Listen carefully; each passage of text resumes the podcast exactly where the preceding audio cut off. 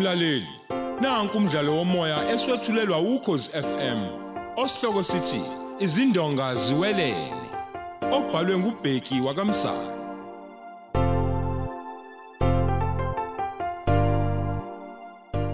Nasi isiqephu seshumi nanhlanu.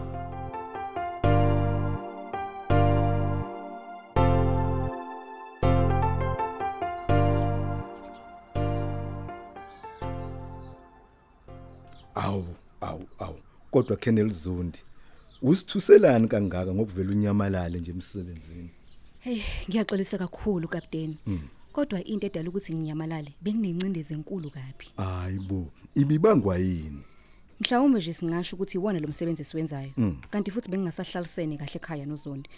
Okungangokuba njengoba ngibuyile nje sengiyamdivorce. Awu kwakubike lokho. Awungitshele. Kwakuyini isizathu sokuthi ushiye imoto yakho lapha yayisangweni lakantombela? Ngesikhathi ngiphuma endlini ngangithi ngiyomtshela uThembi njengomngani wami. Kodwa ngabuye ngashintsha umqondo. Wabe usuhamba ngani pho?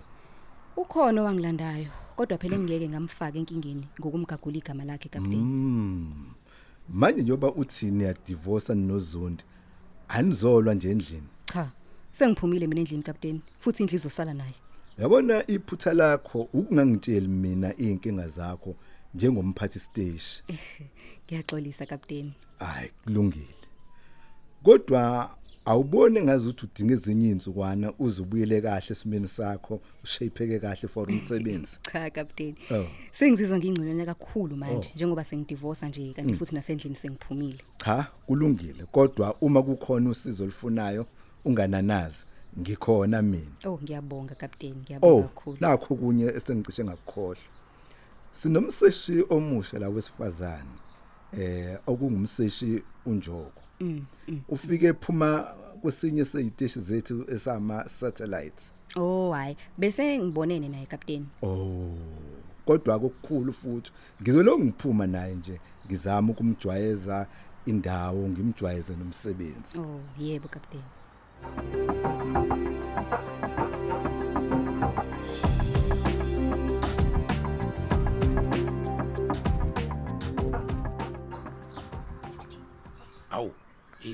Awuyini emsebenzini namhlanje wena omndayi? Cha ngizoya. Kodwa Okay. bengifuna uqale ngibone wena amahlobo mfowethu. Oh. Phela izolo ebusuku kufika unkamzibuza la. Umlingani wakho. Oh. Uzongicela ukuthi ngomgqibelo ake ngizobeka indlebe kuzobe kuza abakhongi. Bezolobola uThembi. Usengitshela nendaba yokuthi uThembi nosakhe sebeya divorce. Hey ngithuke ngoma ngoba phela bengayazi le ndaba. Ngase ngimtshela ukuthi ke mina ngizoqala ngifuna ukukhuluma nawe njengomfowethu ukuze ngeke ngenze into engenze mina nawe singezwani. Uthi yini emema wena? Ekhona uzonguyena ongammema. Ngokusho Mm. kwakhe phela uthi unzuza lo akayingeni nje indaba yokulotshwa lokaThembi. Awu. Wabe semluleka ukuthi ke makeza azokhuluma nami. Awusho. Ukutshelela ukuthi bapi bona abantu abezayo lapha. Cha, phela nami ngizange ngisabuze imibuzo eminingi. Ngithe nje ngizoqala ngikhulume nawe kuqala. Kanti mina nomndayi ayikho into engasixabanisa abafu. Ukuthi yona niyobeka indlebe. Njengoba nami nozoni siyolobolela uzakhe lempake nomgqibelo. Hawu, Kunjalo nje. kwaqondana kangaka bo. Bashesha kangaka ukuthola umaqondane labantu. Hey, phela hey, webaba.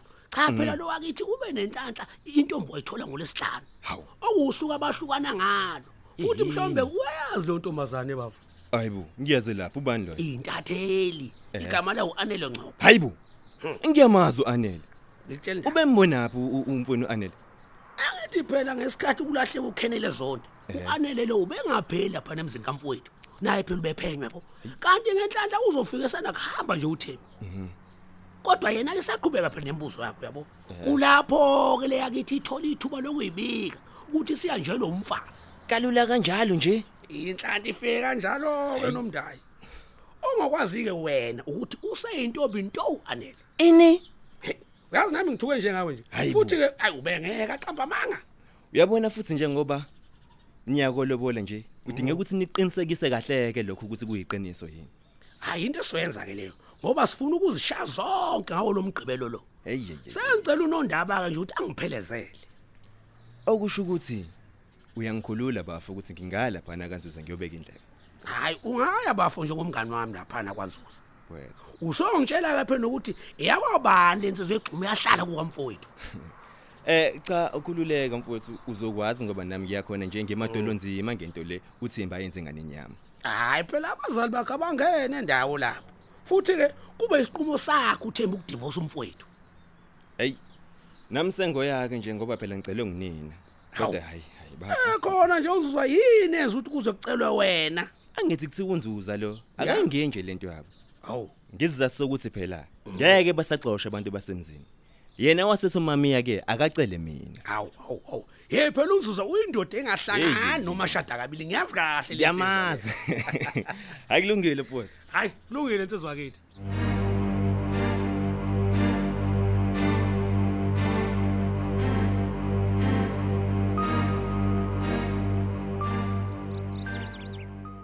washeshe wabuya emsebenzini sithando sami. Hayi, umhlelo wami ngithe ngimxoxela ngokulotsholwa kwami. Eh, Wavela athi nje ngisho ngahamba manje ngoba ngokubona kwakhe le ndaba kaKenneth Zondo, ubona sengathi ngiqedile. Kanti ke futhi ujabule kakhulu. awu.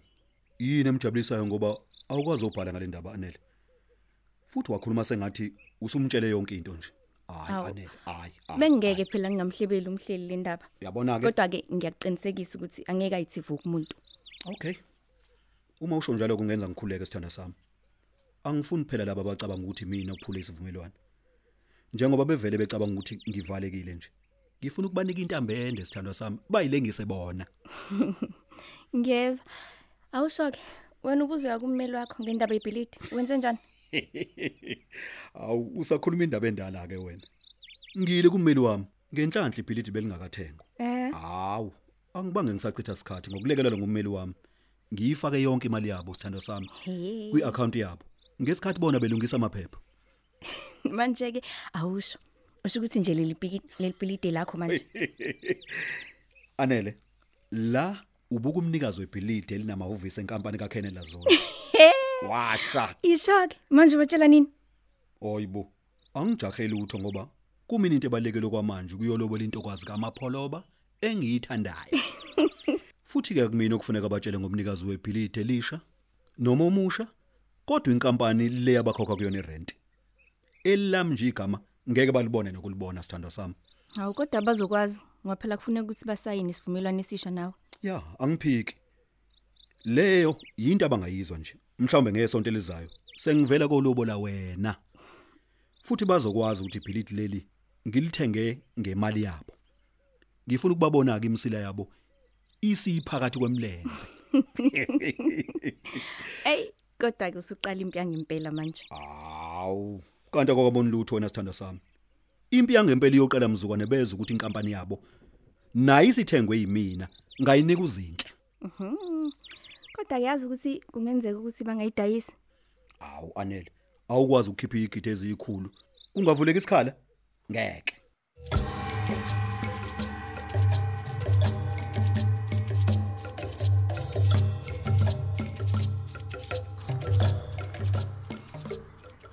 Mami, Yebo mntayi.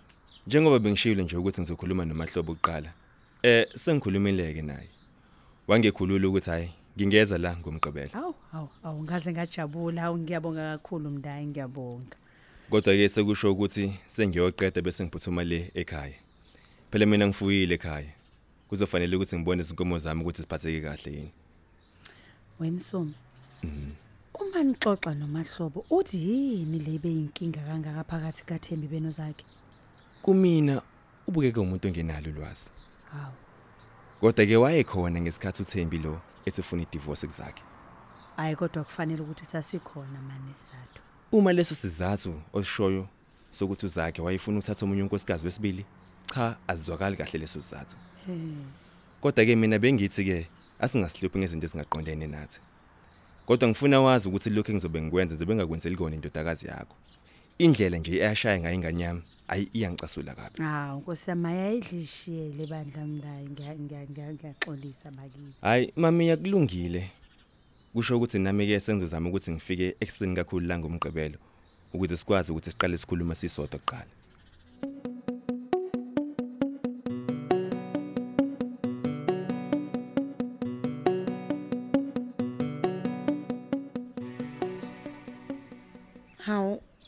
Hawu, ubungayile emsebenzini namhlanje? Ewu cha ngivela khona kodwa ayi kuvele ngaphuma nje ngeza lapha ngoba hawu ngiyafa inkumbulo mntakwethu. Cha nami angifuni ukuqamba amanga. Mm.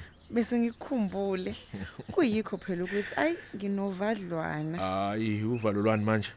Ngicabanga ukuthi uma ubusi eza ukuthi kukhona esikwenzayo mina nawe uyothini? Hoyibo uyothi unandabani wena naye? hayi mina ngilinde nje ukuthi abuye amaphepha edivorce ngisayine. Bese nje ngenza imizamo yokuxhumana nomalume wakho ukuze sishade nje. Hayi bonondaba wavele wewenza yalula nje yonke lento kulula kabi nje konke lokho angithi unguyena ongidivozile. A- awusho ke nigcine nibonene kodwa nozakhe. Uzakho ke wafika la wathi kimi kukhona into afuna ukungimangaza ngayo. Hawu akashongo ukuthi kuyini likhona lokho. Ukhulume ngamabhizinisi. Bhizinisi? kodwa ke akalibekanga ngombaba ukuthi inhloboni yebhizinisi nokuthi uzokwenza kanjani ukuthi mina ngilithole?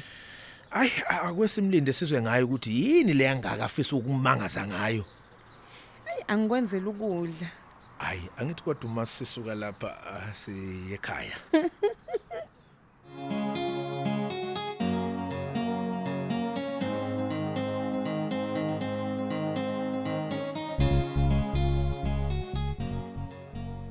siye ekhaya Hawu baby. Uhambe kanjani emsebenzini? Themba lami kwenzeka into ebengayilindele. Uyabona ukapteni Mkhizi ungamukele ngezandla ezimhlophe nje. Hawu. Usumtsheleni ukuthi usuyamdivorce uZondi? Ngimtshelile futhi wabukeke ngenankinga nje ngalokho. Ew. Mm. Uyazi nokuthi usuphumile endlini yenu? Ngimtshele yonke into ngaphandle kokuthi phela ngizoshada nawe. Awusho ke ubusuxhumene noma wakho? Hey, usanda kufona nje engazisi ukuthi umsomo uzifikele yena mathupha lapha ekhaya. Habe. Uvumile yini? Yebo, kodwa phela uqale kumahlobo njengoba bengishilo nami. Ey, alizange kodwa limtshele lutho leliyaxokana lingumahlobo. We, hayi angiboni kanjalo. Angiboni nje ukuthi phela bezovuma nje ukuthi eze lapha ekhaya mangabe khonta ayishilo. Hayi ke makunjalo, uyabona lokho okungu- oku- okuzakhe. Kuzozubona ukuthi kufana nobani. Hayibo. Wapha naye uzakhe mangabe ngamtshelanga lutho. Uzakhe ngimvala umlomo ngebovu imali le. Ngeke nje awuvule lo mlonyana wakhe lo. Hawu awusho he ingakakhohlwa nje. Kwenzekani vele phakathi kaZondi noZinhle? Uzondi nozinhle. Kwenzekani uma kwenzekani? Hayibo, abahlukani labo bantu lezi insuku. Hayibo. Izolo lokho ngibabone bengena endaweni yokudlela. Kanti khona futhi manje nje ngisanda kubona uZondi emlapha kubo wakhe uZinhle. Hayi. Babe ngajwayelene kangako. Kodwa phela ngiyabona mhlawumbe uzondi umtshela ngokuthi ngiyamdivorce. Kwazi Hawu. bani? Pho uzokwenzani izinhle ngalokho? Mhlawumbe phela uzinhle uyena ozofika atshela ubaba omncane. E, Bese yena enzani ke? Ngiyacabanga phela Themba lami namangazi. Hey, hey mina ngithi nje ungakuvumela ukusondelana kwalabo. Uzinhle noZondi. Njengoba senihlukene nje noZondi, hayi cha. Nginandabani mina ukuthi uzinhle uzwana nobani? Sengathi uyakhohlwa nje uzinhle wayekhona kulawo baba wakho. Futhi nje ukuze amaphoyisa angayinaki indaba yakhe nje into ayeyisho. Uwena ophethe lelicala kababa. Wabe usuyinyathela yonke into nje ayizama ukuyisho ke yena. Hayi suka.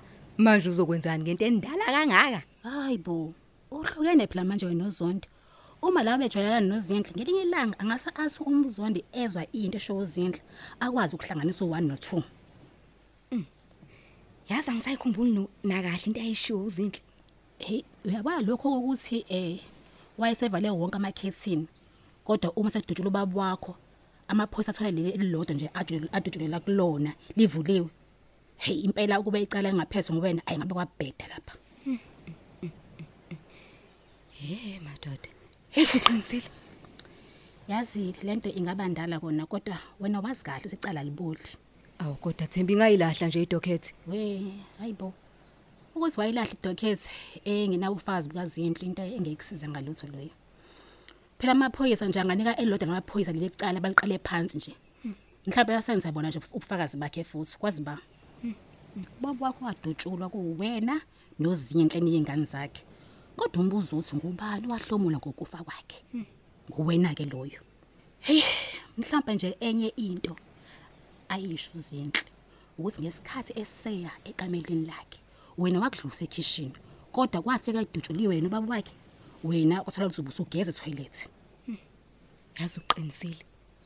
Damn it man. yabona ke wena hlukanisa lokuzona kazinhle nozonke ngaphambi kokuthi uzithole senkingini Hey hayi.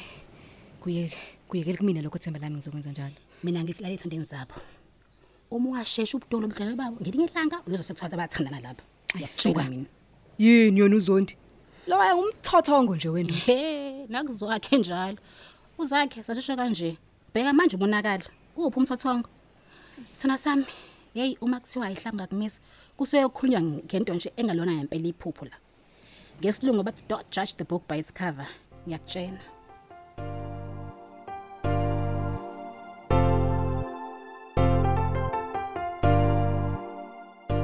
Siubeka lapho umdlalo wethu womoya eswetshulelwa ukhozi FM. Osihloko sithi izindonga ziwelele.